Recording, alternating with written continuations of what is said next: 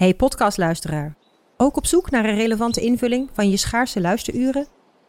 Tune dan in op de podcastserie ESG, even samengevat van BNP Paribas. Wij, Marloes en Aldert, spreken daar duurzame voorlopers en wereldverbeteraars. Waarover dan?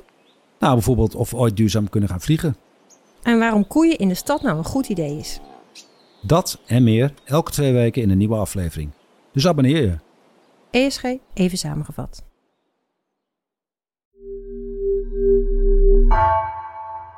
Hey, Floor hier. Dit is een speciale aflevering. Een extra aflevering. Omdat we een verhaal hebben dat we graag met je willen delen.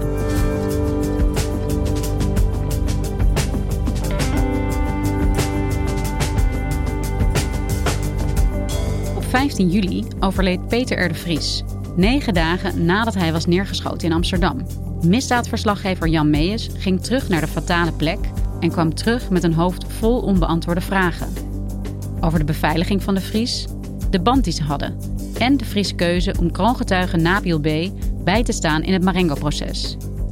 Jan schreef hier een essay over dat hij graag zelf voorleest.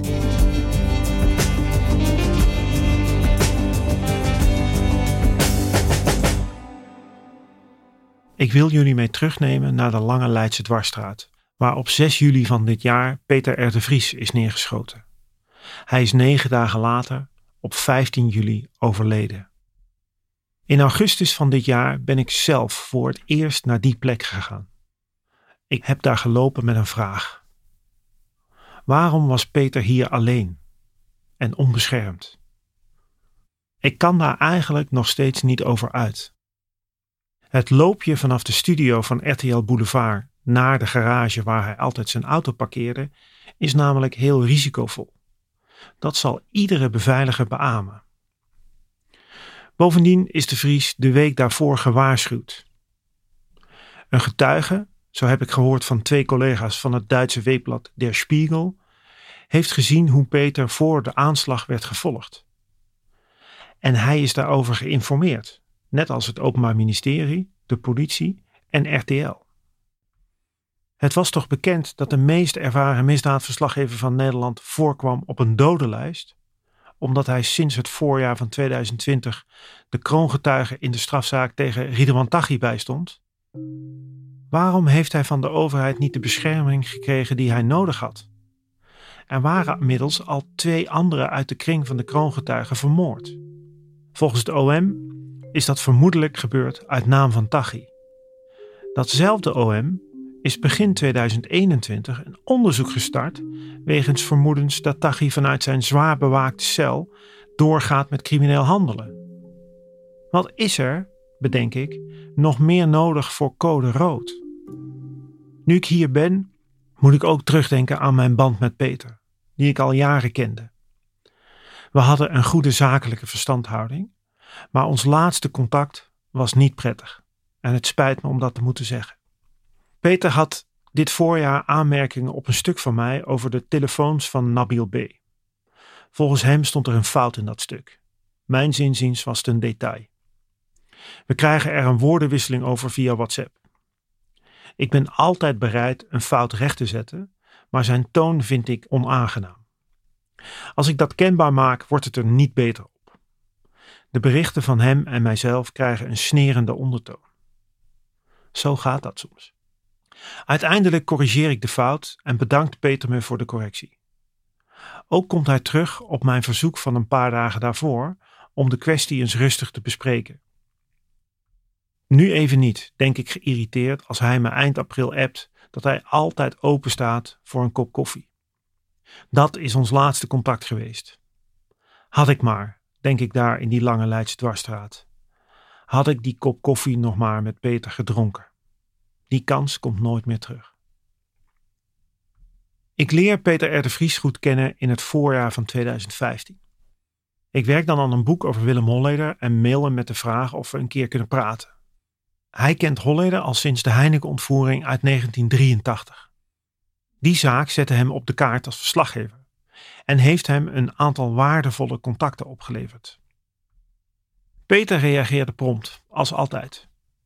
Dag Jan, schrijft hij. Schikt maandagmiddag 23 maart? We spreken dan af in Brasserie Bel Ami in Bussum. De afspraak wordt doorkruist door een nieuwe ontwikkeling. Holleders zussen hebben in het geheim belastende verklaringen afgelegd tegen hun broer. En de Vries arrangeert een afspraak met Astrid Holleder. Dat gesprek met haar verloopt moeizaam.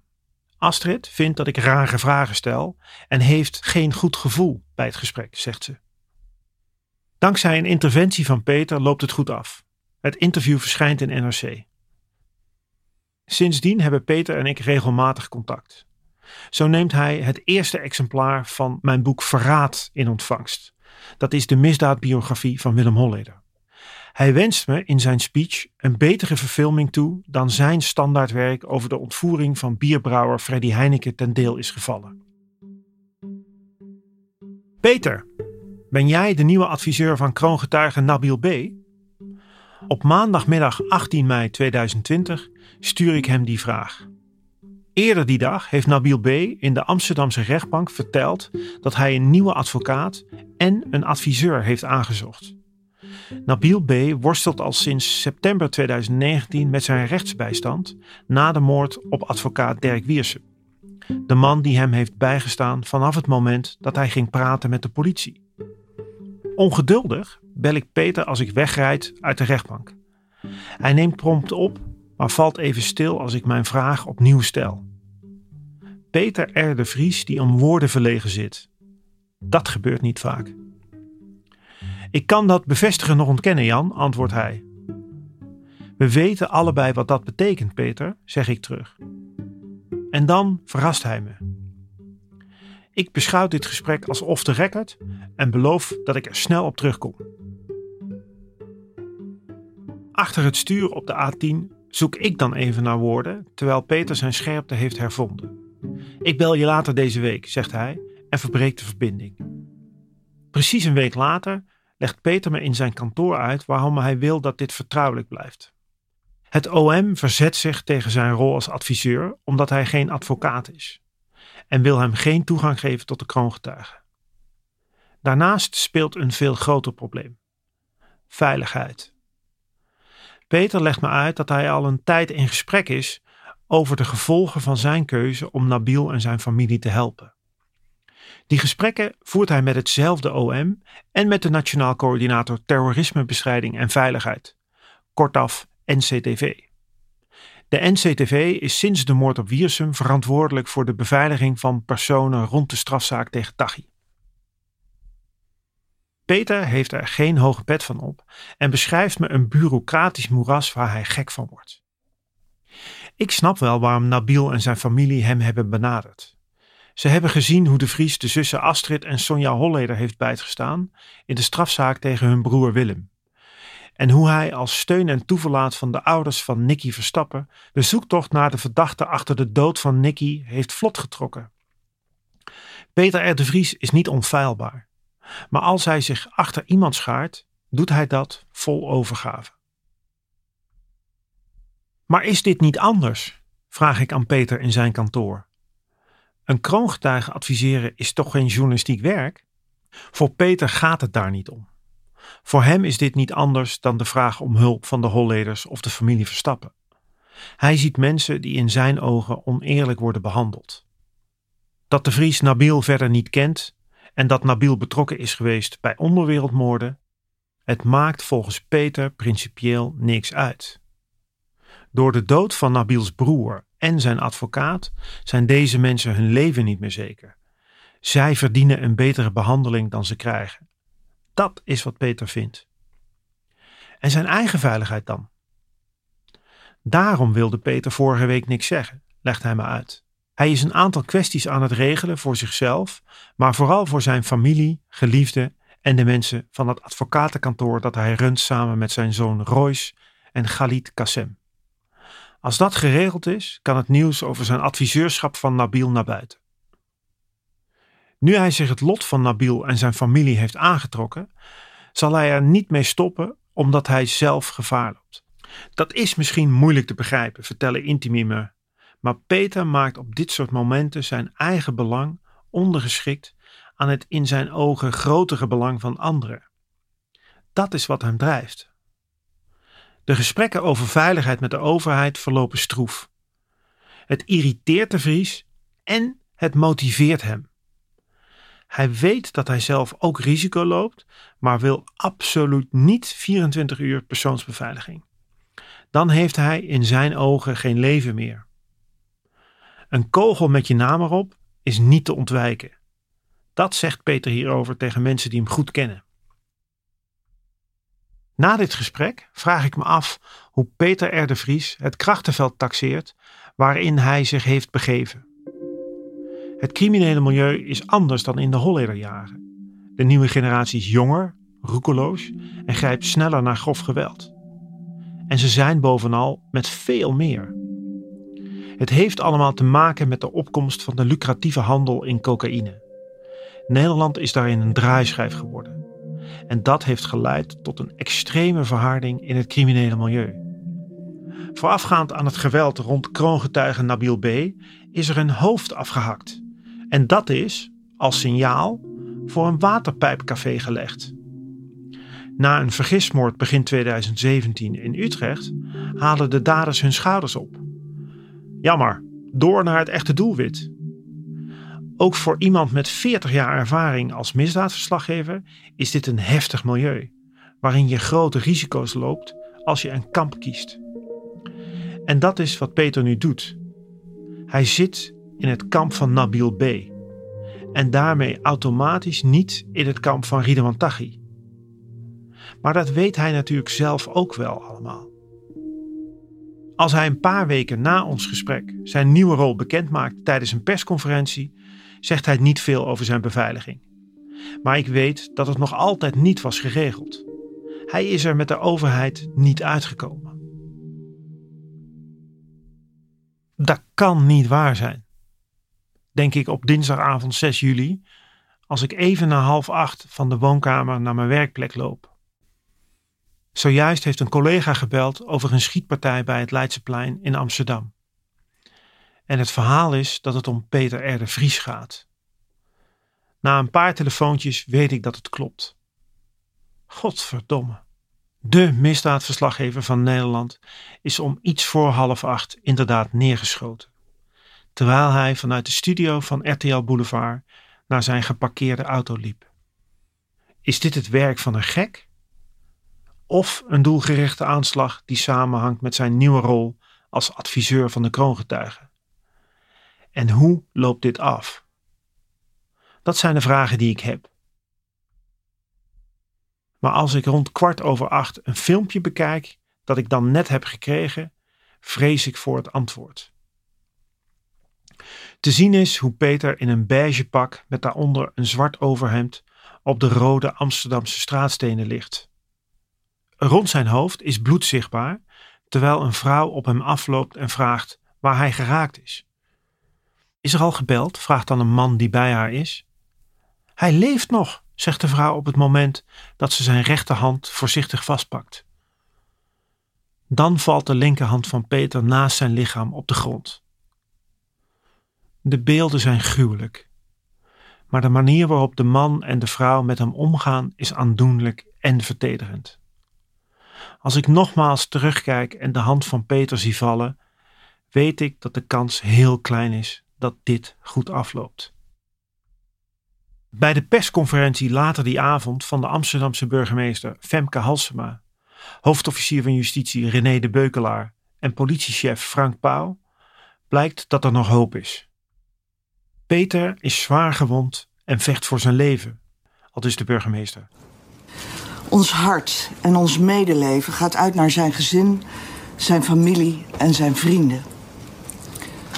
Peter R. de Vries is voor ons allemaal een nationale held. Een zeldzaam moedige journalist. Onvermoeibaar op zoek naar gerechtigheid. Volstrekt onafhankelijk en vrij van geest. Ik vind het een geweldige typering. Dat zit allemaal in mijn hoofd als ik na middernacht aankom op de redactie, waar collega's me in een geïmproviseerde studio opwachten voor een podcast.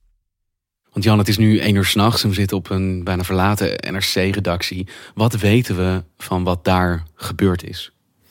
Nou goed, nadat hij dus naar buiten is gekomen en is beschoten, waren er heel, heel snel mensen bij die het hebben zien en horen gebeuren. We praten hier over het centrum van de stad, een uitgaansgebied waar altijd heel veel mensen zijn. Vrij snel is uh, 112 gebeld, is er een ambulance gekomen. En is, hij, uh, is het gebied afgezet en is hij afgevoerd naar een ziekenhuis. Ergens die nacht komt het gesprek op dat iconische beeld van Peter levenloos op de rode Amsterdamse straatstenen. Hij is van veraf goed herkenbaar door die typische grijze kuif van hem. Als ik dat beeld oproep, breekt mijn verslaggeversharnas en schiet ik vol.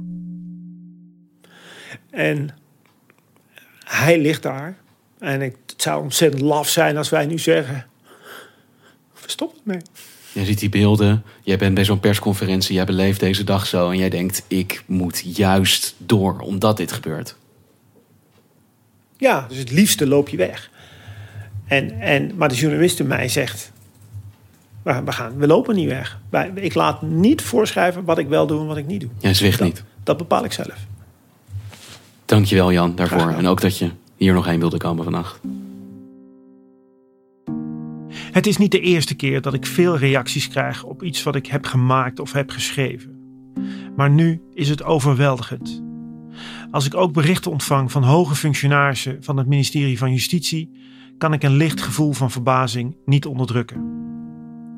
Ik schrijf voor NRC al jaren over het criminele milieu en de internationale drugshandel. Regelmatig komt in die stukken aan de orde dat Nederland is uitgegroeid tot de hotspot voor de internationale drugsmafia. De voedingsbodem daarvoor is in de jaren 70 gelegd. Met het gedogen van de verkoop van cannabis in coffeeshops. Dat heeft geleid tot een verdienmodel waarmee Nederlandse criminelen ook internationaal invloed verwerven. Nederland groeit in die tijd uit tot de drugssupermarkt in West-Europa. En dat leidt tot grote problemen. Geweld, corruptie, kapotte mensenlevens, ontwrichting van hele woonwijken. Nederland heeft met zijn langmoedige drugsbeleid en ontoereikend gefinancierde recherche de strijd tegen de georganiseerde drugshandel verloren. Toen ik die ontwikkeling bij het begin van het Marengo-proces tegen Taghi beschreef in een stuk over zijn criminele generatie, reageerde er vrijwel niemand. En al helemaal geen politici of hoge medewerkers van het ministerie van Justitie.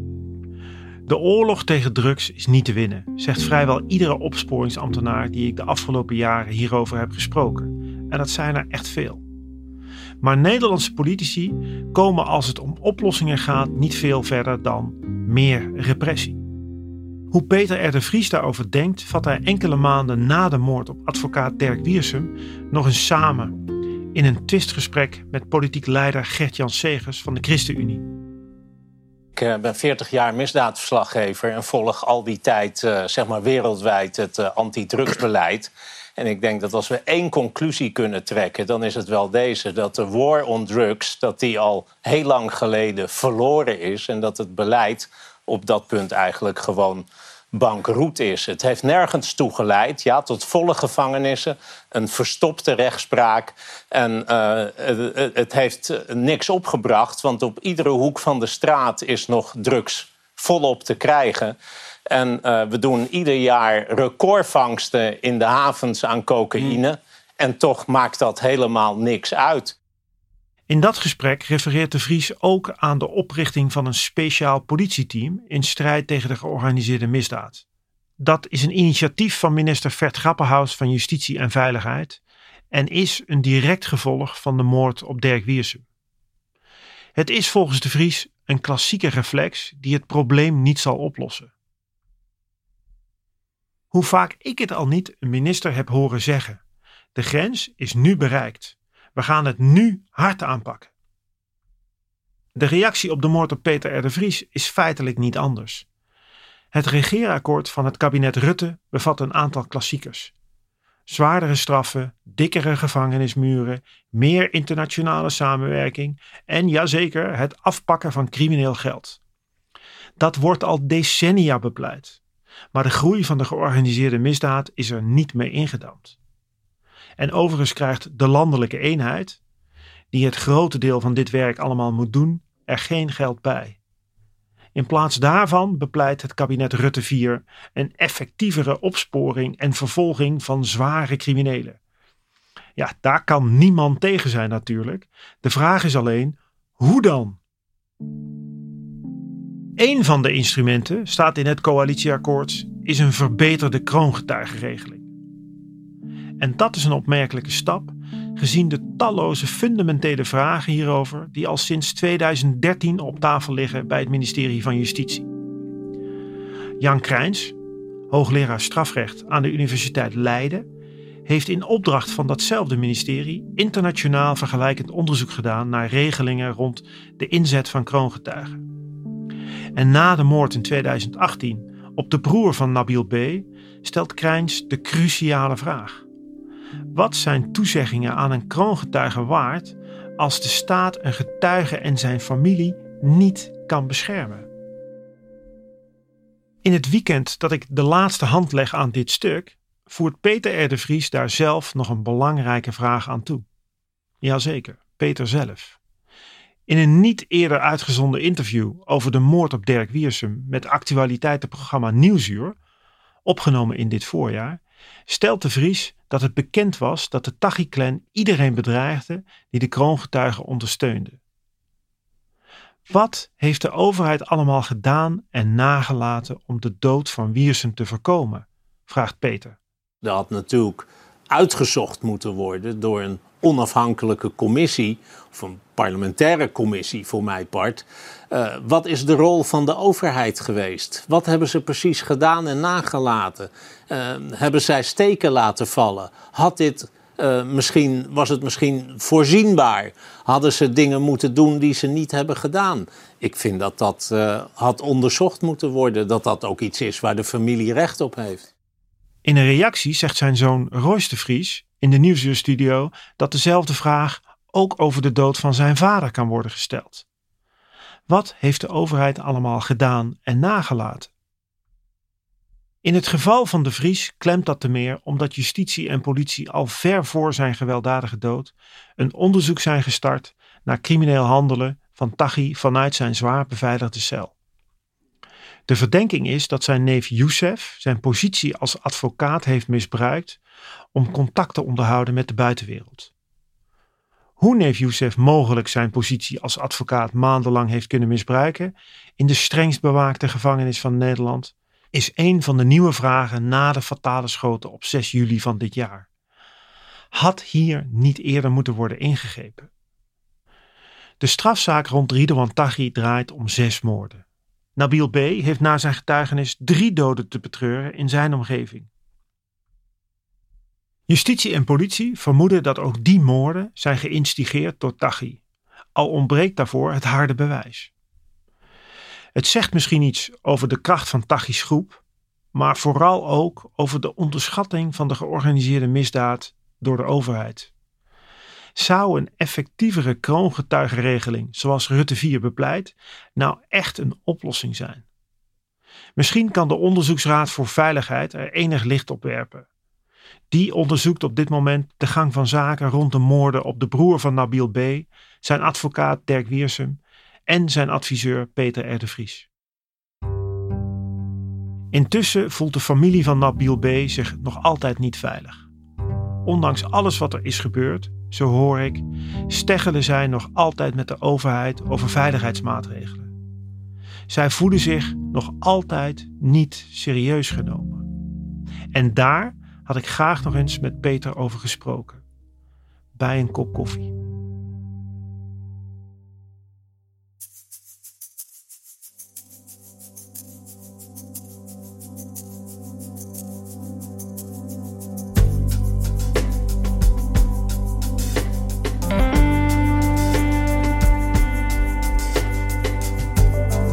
Je luisterde naar een extra aflevering van vandaag, een podcast van NRC. Deze aflevering werd gemaakt door Mila Marie Bleeksma en Marco Raaphorst. Vanaf maandag hoor je een week lang verhalen van onze correspondenten die terugblikken en vooruitkijken. Voor nu, hele fijne feestdagen.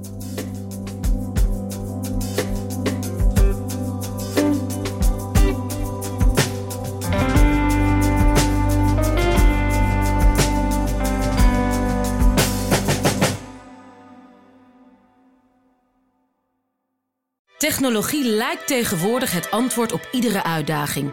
Bij PwC zien we dit anders. Als we de potentie van technologie willen benutten, kunnen we niet zonder een menselijk perspectief. Human-led, tech-powered noemen we dat. Ga naar pwc.nl.